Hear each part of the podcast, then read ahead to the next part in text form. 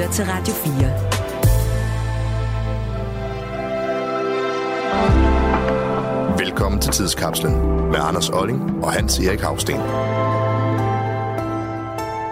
Velkommen til Tidskapslen. I øh, denne udsendelse der skal vi ganske kort fortælle en lille kuriøs historie fra 1800-tallet, som handler om, hvordan en fattig arbejderdreng fra København faktisk ender med at blive velkører for intet mindre end en kronprins. Han siger ikke, hvad er det for en historie?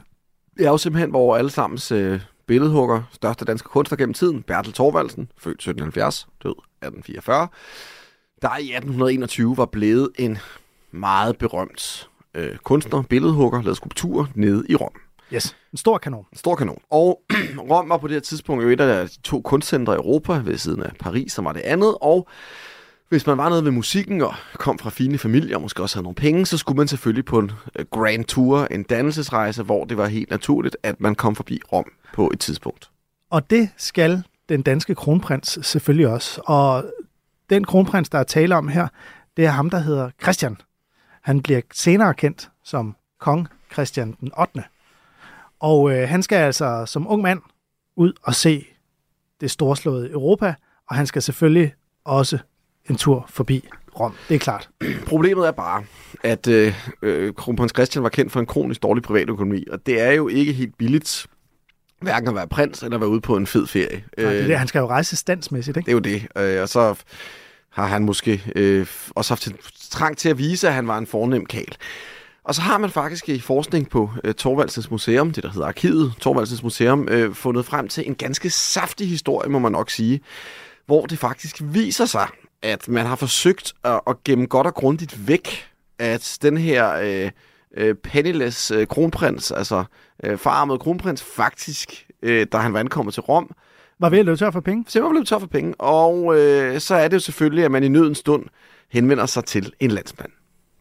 Og Bertel Thorvaldsen, han var til øh, kronprins Christians held på det her tidspunkt blevet en meget, meget velhævende mand, fordi han har haft succes med at sælge kunst til meget velhævende kunder over hele Europa. Ja, så man er simpelthen fra kongelig side nødt til at lave en diskret henvendelse og spørge, om herr Thorvaldsen må kunne forestille sig at yde et lille bidrag til kronprinsens videre rejse mod senere tilbagebetaling.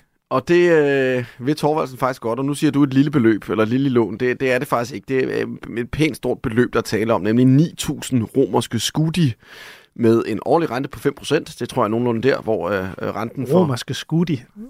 Hvad er det? Det er et beløb, som det er jo svært at regne om til moderne penge, men det svarede på daværende tidspunkt i 1821 til 238 kilo rent sølv. Okay, det er vist sådan, uanset omregning, et ansenligt beløb. Ja, og øh, hvad hedder det... Øh, der er altså den her rente på 5%, og det er afdragsfrit i første omgang, eller så skal, når øh, Torvaldsen gerne vil, vil det, så øh, skal øh, lånet indfries med en varsel på tre måneder og så videre. Og det sker så faktisk ikke. Øh, og vi ved også, at kronprins Christian på mange andre områder har haft utrolig dårlig økonomi. Ja. Så Torvaldsen har faktisk ret mange penge ude at svømme op igennem 1820'erne hos øh, Christian. Ja, og det vi skal tænke på her, for det startede jo med at sige, det er, at Torvaldsen han kommer fra trange kår. Han er absolut ikke født ind i eliten. Han er sådan en, en fattig københavnerdreng, som øh, har arbejdet sig op og blevet meget rig, og så er kronprinsen nødt til at låne penge af ham, og så betaler kronprinsen, kunne hjælpe mig ikke pengene tilbage?